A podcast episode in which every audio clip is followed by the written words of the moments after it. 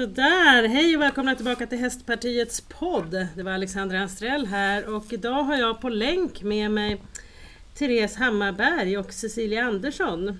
Och eh, vi träffas ju i den här konstellationen för att eh, Therese hörde av sig till mig och sa Alexandra, vore inte det här jättespännande att spela in en podd om? Visst var det så Therese?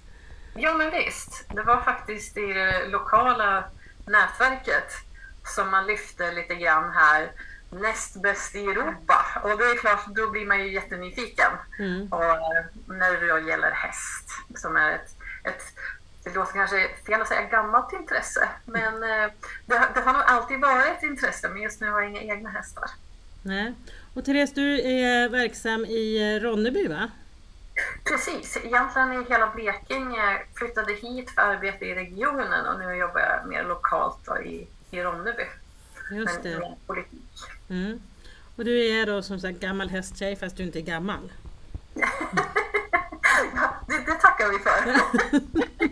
Man börjar känna sig ganska gammal. Vi konstaterade ju just att vi började nästan samtidigt i, i alldeles början egentligen av 90-talet eh, på, på mer aktiv nivå.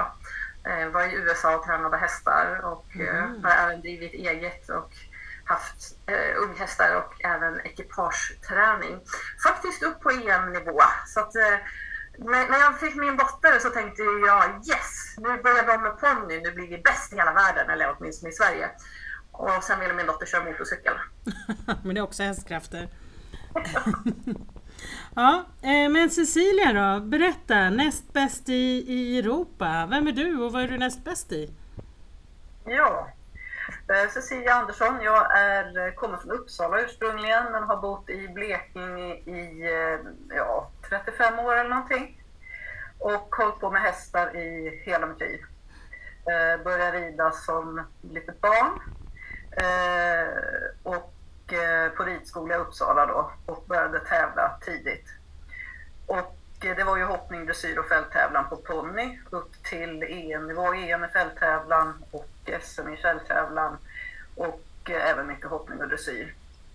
Eh, men sen så gick åren, det blev familj och annat och, och jag tävlade halvblod i hoppning några år också.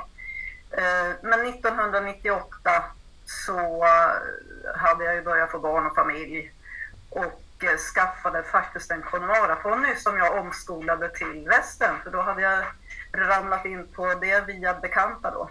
Mm. Och eh, 2000 så köpte jag min första Paint, alltså American Paint Horse. Och började tävla honom 2006.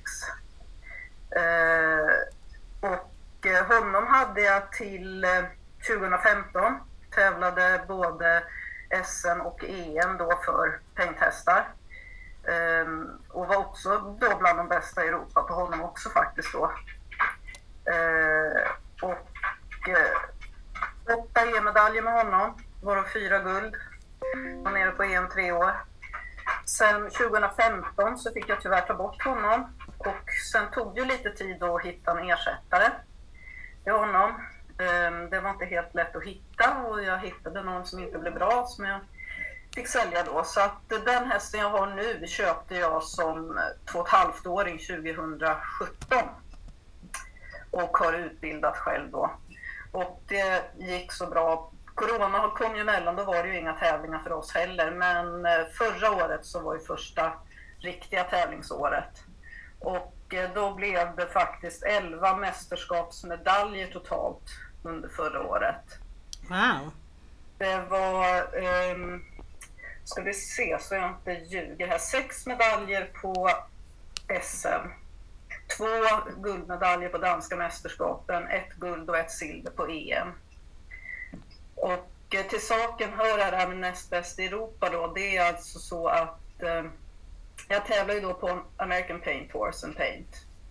Och eh, då tävlar jag, har jag valt att tävla på de tävlingarna som är för American Paint Horse. Mm. Um, och de tävlingarna är ju godkända och uh, ja, ansökta och godkända av det amerikanska förbundet. Det finns ju en svensk uh, förening också för paintar, men det är ju en dotterförening till den amerikanska. Mm. Uh, så att de tävlingarna jag tävlar på det är för painthästar. Eh, och de bokför alla tävlingar över hela världen. Över hela året och räknar tävlingspoäng och så vidare. Och sen delar de in världen i olika zoner och Europa, hela Europa, alla Europas länder då är en zon. Och i den divisionen jag tävlar så vart jag då näst bäst i Europa när man räknar samman hela tävlingsåret. Wow, grattis! Tack! Hur känns det då? Vad sa du? Hur känns det? Ja, det känns eh, kul. Det är kul att få ta en häst till, till toppen så att säga. Mm. Och eh, det är fantastiskt roligt för det hade jag ingen tanke på när året började. Nej. Att det skulle bli så. För sen vet man ju aldrig, man själv ska vara frisk och hästen ska vara frisk och Mm. allt ska klaffa. Ehm, så det är jätteroligt. Och i, på de här tävlingarna så finns det olika divisioner eller vad man ska säga som man tävlar i. Mm. Och jag tävlar mest då som amatör. Då har man ett amatörkort som är godkänt från amerikanska förbundet. Och då får man alltså inte träna andra hästar och eller ryttare mot betalning och jag får inte ha sponsorer. Okej. Jag eller någon i min närmaste familj ska stå för kostnaden och äga hästen och så vidare. Så man får inte vara proffs helt enkelt. Mhm. Nej. I Sverige så tävlar en del även i open-klassen då som är för alla. Men när jag är nere i Europa, i Tyskland och så, så är det mest amatörklasserna. Mm. Men du, vad är det som är så speciellt med en painthäst? Den är ju gjord för de här grenarna i västern, den är ju avlad för det. Mm. Så att den är ju lämpad för det. Eh, och den är faktiskt världens näst, till antalet näst största registrerade hästras. Eh, så det finns ju väldigt många, framförallt i USA och i Tyskland och Italien är det stort också. Det finns ju ganska många i Sverige också. Eh, Men de är ju lämpade för västernridning. De har ett väldigt bra temperament och man hittar rätt avelslinjer. Och håller man på med västern så är det bra att ha en häst som är lämpad för det också. Ja. Men din häst som du är hade nu då? Vad sa du? Din häst som du hade med dig i det här, det var Royal Flash hette den va? Ja, CBS Royal Flush. Han är uppfödd i Åtvidaberg. Men både hans mamma och hans pappa är importerade från USA. Mm. eh, och är tävlingshästar. Och jag känner ju den hon som har fött upp honom. Och eh, har ju träffat henne ute på tävlingar och så. För att när jag köper häst så är jag alltid noga med att bägge föräldrarna ska vara tävlade också. Mm. Så att man vet att temperamentet finns där. För det spelar ingen roll hur bra häst du har. Har du inte huvud och hjärta med så, så kommer du ingen vart. Nej, just det. Men hur länge har du haft, har du haft Royal Flash då? Sen december 2005, 2017 Mm. hämtade jag hem honom. Och sen har jag då utbildat honom med hjälp av tränare och mig själv Mm. helt enkelt. Har du flera hästar? Jag är bara en shetlandsponny till sällskap så att Mm. alltså när jag gör någonting då vill jag göra det till 150 procent så en häst i taget. Ja, men är det svårt att hitta en bra tränare i västern? Ja, ehm, ja, man får åka långt. Jag eh, har ju som sagt hans uppfödare tränare för i Åtvidaberg. Sen har jag haft en tränare i Skåne jag har åkt lite till. Mm. Och sen får man passa på när det är någon som tar hit någon tränare. Fast det är sällan det är i Blekinge utan det är längre bort. Mm. Eh, Jag ska upp till Åtvidaberg eh, och träna för en belgisk tränare och även för en amerikansk tränare som de tar dit. Ska jag göra här i vår. Det blir en hel del resor för det då? Ja, det blir det. Det blir mycket resor blir det. Och när man är nere på, i Tyskland, där på EM, den anläggningen ligger nere i södra Tyskland så det är en väldigt lång resa. Jag Och förstår. det är lite speciellt att resa långt med häst. Mm. Finns det liksom, eh, ja vad kallar man det, alltså, vanliga stopp där man kan göra när man reser med häst? Alltså gästgiveri eller vad man nu säger, där man kan stanna med häst? Eh, Ja, det är möjligt att det gör det. Vi gjorde inte så, utan eh, vi stannade på rastplatser Mm. längs autobahn och tog ut honom och ledde honom. Han fick äta och dricka och röra lite på sig och sådär. Mm. Till eh, alla andra bilisters stora förtjusning. Det var de skulle komma och klappa och de skulle fotografera och allt vad de skulle göra. Mm. Så. Eh, Så är det. Och när man tar färjan över, vi tar ju färja då från Trelleborg till Rostock och Mm. färjepersonalen är alltid väldigt bra för de står alltid still, till att vi får stå utomhus att inte hästsläpet står under tak bland de andra bilarna utan längst bak utanför taket så att säga så att hästarna får in frisk luft i släpet. Ja, just det. Men vill man alltid stå så även om det är skitväder? Ja, de står ju i släpet. Ja. De är skyddade där. Och det är viktigare att få frisk luft än att stå i alla... Alla vet ju hur det är på bildäck. Det är Mm. inte så trevligt. Men när du är iväg sådär, då har du med dig shetlandsponnen också som sällskap eller? Nej, han får vara hemma. Ja. Jag och min häst. Och så brukar min dotter följa med som hästskötare eller groom som vi säger. Mm. Men det måste ju vara en hel del grejer. Har du liksom packlista när du ska vara iväg så du inte glömmer något? Nej, jag har faktiskt... Jag vet att alla förordar packlistor, men jag har faktiskt min i huvudet. och det brukar gå bra. Det brukar gå bra. Men det man kände förra året när det hade varit, eh, inte var så många tävlingar under Corona, då kände jag att då var man ju lite ringrostig. Mm. Det var man ju packning och det här ut och resa och alltihopa. Men det löser sig. Man hittar det där bak i hjärnan på något sätt. Man glömmer inte startnyckeln till motorcykeln i alla fall som, som det kan vara i våran sport. Ja, nej. Men om du tänker eh, någon som är ny på det här, har du någon liksom tips till någon som ska ut och börja resa runt med, med sin häst? Vad får man absolut inte glömma? Ja, förutom hästen då. Utrustning och hästens eget foder. Mm. Jag har alltid med, hästar är ganska känsliga för foderbyten. Mm. Så eh, jag har ju alltid med hans eget foder och det är klart, ska man vara borta en och en halv vecka nere i Tyskland, då är det några höbalar man ska ha med sig. Ja, just det. Till exempel. Mm. Men du föder inte upp någon egen häst utan du liksom väljer ut av andra uppfödare? Ja, precis. precis. Och då vill jag ju ha, dels vet jag ju lite vilka blodslinjer jag vill ha och sen vill jag också att de ska vara uppfödda på rätt sätt. Jag vill att de ska vara uppfödda eh, så att de har fått röra sig mycket från födseln. Stora hagar, gärna lösdrift. Mm. Eh, det är viktigt. Och, och gärna att de går i flock. Mm. Ja, man får väl lite tåligare häst då kan man nästan säga va? Ja, de är ju gjorda för ett liv på steppen. De är gjorda för att röra sig. Så Mm. att de behöver ju röra sig och belastas på ett vettigt sätt för att bli hållbara i längden. Mm. Och sen får man ju se till när man väl sätter igång och rider dem att man tränar dem på rätt sätt också för att de ska bli hållbara. För annars blir det ju ingenting av det. Nej. Hur du, nu har blivit då näst bäst i Europa, hur har det uppmärksammats? Inte så mycket. Nej, vad tråkigt. ja, amerikanska förbundet ska ju skicka ett eh, pris då, men det har ju inte kommit än. Nej. Eh, Sen var det ju bäst i Sverige också då i alla de här divisionerna, både Open, Amatör och Allround. Eh, tog jag hem tre priser och där, där, de kommer ju, Svenska förbundet kommer skicka ett pris, eller tre priser blir det ju då, Mm. till också. Men de har inte heller kommit än. Det är på gång. Ja, men familjen, kompisar, lokaltidning.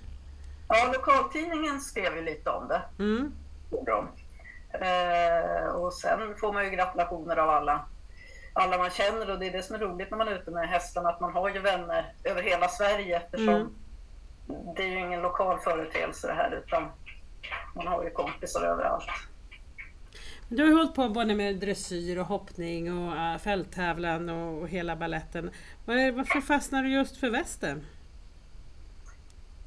Ehm, ja, det är ju en lite rolig historia faktiskt. Då när jag slutade med halvblod och tävlade hoppning och barnen började komma så äh, sålde jag mitt halvblod som jag hade hoppat med. Hoppade upp till ett A på honom.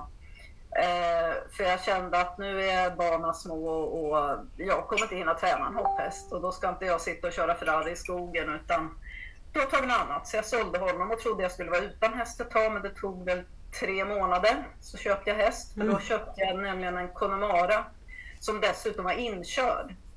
Och då tänkte jag att eh, det är jättebra för då kan jag ta med barnen på vagnen. Så kan Mm. jag motionera hästen fast jag inte har barnvakt för min man jobbade då och sådär. Eh, så då, då blev det den. Och sen när barnen var något lite större så kände jag att det skulle vara kul att träna för någon. Men jag tänkte jag kan inte åka och träna dressyr för en dressyrtränare. För vem tar en medelålders trebarnsmamma på en Connemara-ponny på allvar? då, kände jag att nej, jag hittar ingen riktig dörr där. Eh, men då hände det sig så att det var några vänner till mig som tog ner en västerntränare. Detta var då 98. Mm. Eh, och sa att ja, men han tränar alla, du kan komma och rida på honom fast du inte rider västen, det gör ingenting. Så då åkte jag och tränade för honom och då frågade jag redan första passet, ja men vill du prova på lite av de här västengrejerna och rida liksom på med Mm. västen? Så, ja men vi testar, sa jag. Och sen lånade jag en västernsadel av dem och så vidare och sen slutade med att jag skolade om den ponnyn då och så ramlade jag in på västen.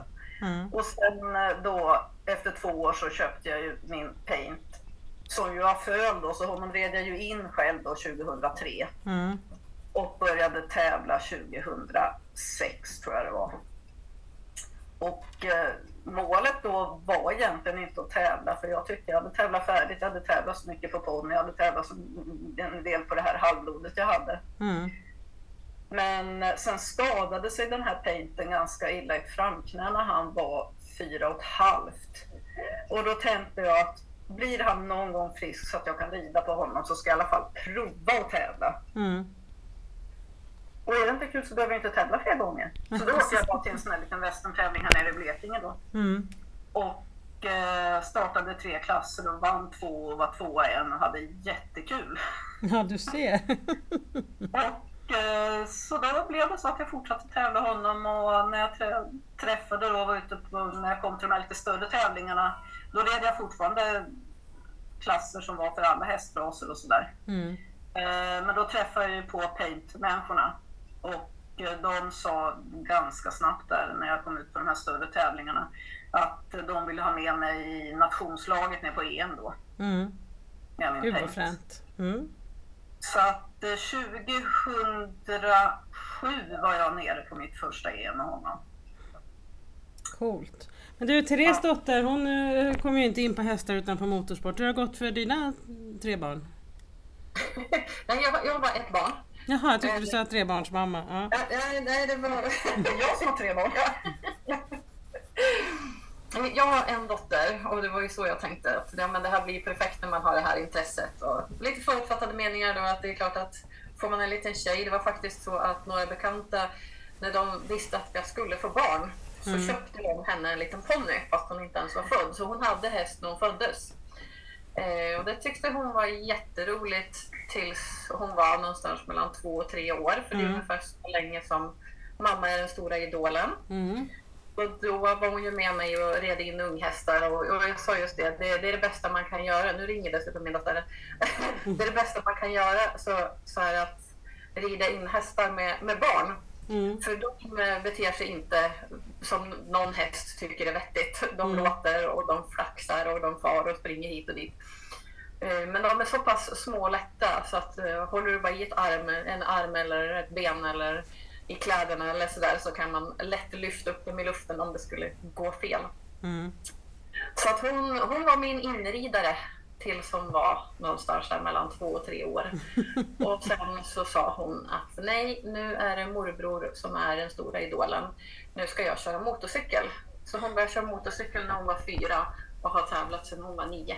Så att eh, ja, då blev det, då blev det inte så mycket mer för mig heller. Nej. Det är också en sån här sport som kräver mycket pengar, mycket engagemang, hela familjen involverad. Mm. Så jag blev jätteglad nu här när jag hittade en hästkompakt nere i Blekinge. så nu kommer jag säkert att få tigga och få följa med och kika eh, på träningar och så. Det är jättespännande. Du då Cecilia, hur har det gått för dina barn och hästarna? Nej, de har inte varit så mycket hästar. Nej. Eh, förutom att min äldsta son faktiskt har, gjorde lumpen på eh, Livgardet. Ah, ja. högvakter. Så att han är, han är faktiskt reservare nu på Livgardet. Men nu rider han inte högvakter längre. Hon är på med annat. Då. Eh, och min dotter, hon hade ponny när hon var i tonåren.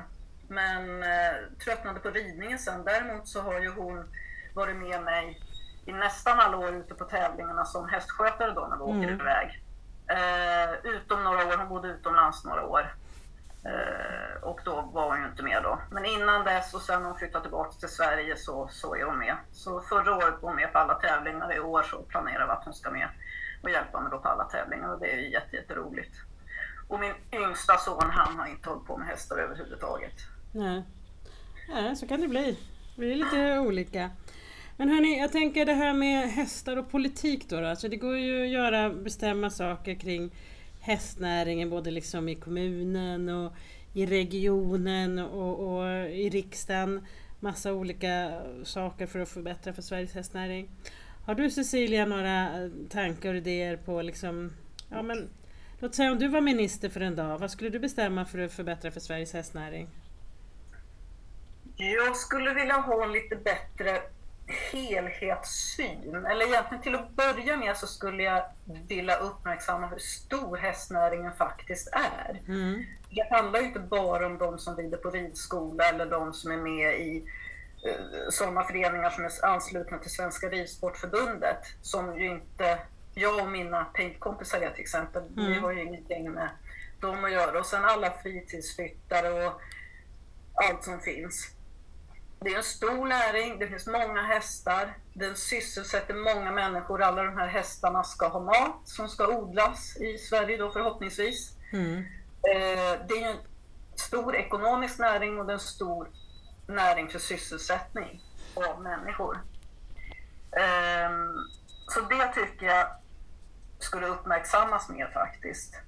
Och eh, sen alla, allt man ska registrera och allt man ska Alltså allt pappersarbete och alla regler som finns. Det finns ju Länsstyrelsen har sina regler, Jordbruksverket har sina regler, kommunerna sina lokala bestämmelser och så vidare. Och det finns ju ingen samordning där, känns det som. Och det är svårt att få en överblick som hästägare eh, över vad man är skyldig till att, att faktiskt göra och registrera och alla bestämmelser som finns. Mm. Och likadant när man transporterar hästar utomlands. Inom Norden är det ganska enkelt för Sverige, Danmark och Norge har ju lite speciella avtal då. Men åker du ner i Tyskland så behöver du bland annat då ha friskhetsintyg på din häst och det är ju bra. Mm. Eh, men när jag skulle åka ner till Tyskland då förra året så ringde jag till distriktsveterinären och tänkte det är inga problem. Jag ringer dem och så kommer de och, och utfärdar ett friskhetsintyg. Men de hade ingen veterinär som kunde komma och jag var ändå ute i ganska god tid. Jaha. Vad hände då? då? Ja, då fick jag leta upp en privat veterinär som hade rätt kompetens. För det är inte vilken veterinär som helst som får göra de här friskintygen för hästar som ska ut och resa, utan de ska ha den kompetensen aktuell då. Och då hittade jag som tur var en veterinär som kunde åta sig det här. Men jag frågade, jag kommer inte ihåg det var Länsstyrelsen, Jordbruksverket, jag ringde och frågade och sa vad, vad, vad, gör jag om jag inte får tag på en veterinär? Nej, då får du stanna hemma, då kan du inte åka. Mm. Så hittar inte jag en veterinär som kan ge friskintyg, då kan jag missa Europamästerskapen för att jag inte kan åka helt enkelt. Ja, du låter som att det är någon hund som är med och pratar i podden nu. Ja, han vill nog gå ut lilla hunden. Ska jag släppa? Ja, gör det. Man ska släppa igenom dörren. Eh, så det kan jag känna och jag satt ju mycket på nätet och sökte och läste just alla bestämmelser eh, om att transportera häst. För det är ju mycket bestämmelser och det är ju bra för jag menar hästarna ska ju ha det bra och må bra och hanteras bra. Men det skulle vara lite lättare att hitta och jag ringde också. Det var en del då som jag frågade som ändå skulle vara experter på det här som sa att men jag får kolla upp det här och återkomma. Mm, mm. Men hur, du, vad kostar det att få ett sånt här friskhetsintyg? Jag kommer inte ihåg, jag vågar inte säga det, men det finns, eh, det finns en fastställd taxa för det. Okay. Mm. Så det inte, beror inte på vilken veterinär du anlitar, utan de har eh, att så här mycket kostar, ska friskhetsintyget kosta. Okay. Mm. Ja, men det kan ju inte vara alldeles enkelt om man bor ute på vischan. Liksom. Ja precis, för jag menar bilersättning och sånt blir såklart olika vilken mm. veterinär som kommer. Men, men själva intygsutfärdandet, mm. det är en, en, ett satt pris på det så att säga. Mm. Um, och sen annat här med hästnäringspolitik så kan jag ju tänka på det här med, det är inte bara att hästarna ska ha mat utan den, den ska ut i andra änden också. Och det borde ju finnas bättre och enklare sätt också att ta vara på gödsel från hästar. Mm. Kan man tycka. Verkligen. Det borde vara värt sin vikt i guld. Ja, man tycker det. Man mm. tycker det. För det vet man, konstgödsel har gått upp i pris och det är svårt att få tag på och så vidare. Mm. Um, så att det, det borde mm. tas tillvara bättre tycker jag. Verkligen. Vad säger du då Therese? Du något så här, om du fick vara minister för en dag, vad skulle du bestämma? Jag är lite inne på samma spår, just det här regel... Eh, att, att någonstans ha liksom kontroll över alla regler. Mm. Eh, har du till exempel en lite större anläggning så att du kanske även har några anställda så är det ju så otroligt många lagar som du egentligen lyder under och behöver kunna hantera. Jag tror att det var någon som räknade ut att det var ungefär 450 olika lagar som man då lyder under och ska självklart se till att, att man har allt i sin ordning eh, och, och ha koll på. Mm. Och där kan jag väl känna att det är ju både, som Cecilia var inne på, det är ju både administrativt. Eh, det kan vara godkännanden, det behöver skicka in saker och ting till exempel då till, till Länsstyrelsen. Men sen också se helt enkelt eh, att man gör rätt. Där Mm. skulle, ja, något övergripande helt enkelt, att man kanske kunde samla lagstiftning under näringar.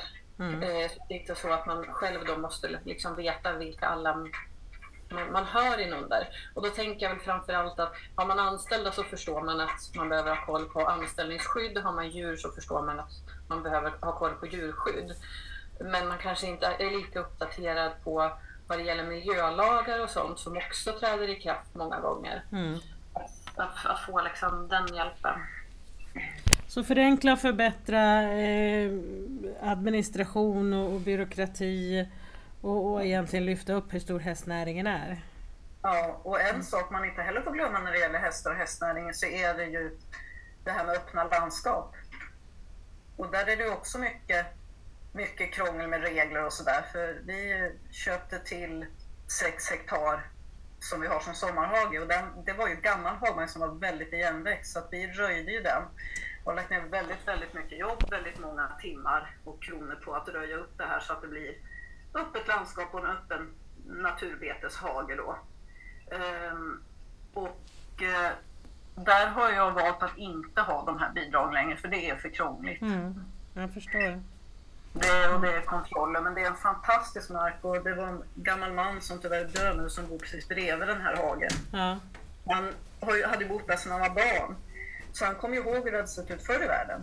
Jag och han förstår. sa att det är så mycket blommor som har kommit tillbaks. Och det var verkligen det. Det var eller är ska jag säga. Det är väldigt mycket blommor och sånt som har kommit upp när vi har röjt och hästarna har betat. Och jag har växelbete också, en bekant som tar hit sina köttdjur då, och betar. För hästar och köttdjur betar ju på väldigt olika sätt. Mm. Eh, och eftersom jag vill att det ska bli så bra betat som möjligt så, så tar han dit sina kossor ett par tre veckor på, på sommaren. ja, men det är svinbra. Och det blir väldigt mycket artrikedom kan jag säga. Ja, hörni, det finns ju massor att göra och massa man vill göra. Jag tänker, nu är ju inte jag med er på riktigt, alltså jag hoppas att ni skickar lite fina bilder. Och eh, så mm, får vi helt enkelt eh, se till att jag kommer ner och hälsar på vid något tillfälle så får vi spela in en podd till och se vad du har tagit för medaljer då. Det gäller att både jag och hästen håller mig frisk också. Ja men precis. Ja, men stort tack för att ni var med hörni. Och till er som lyssnar så kommer ett nytt spännande avsnitt av Hästpartiets podd eh, nästa vecka. Tack!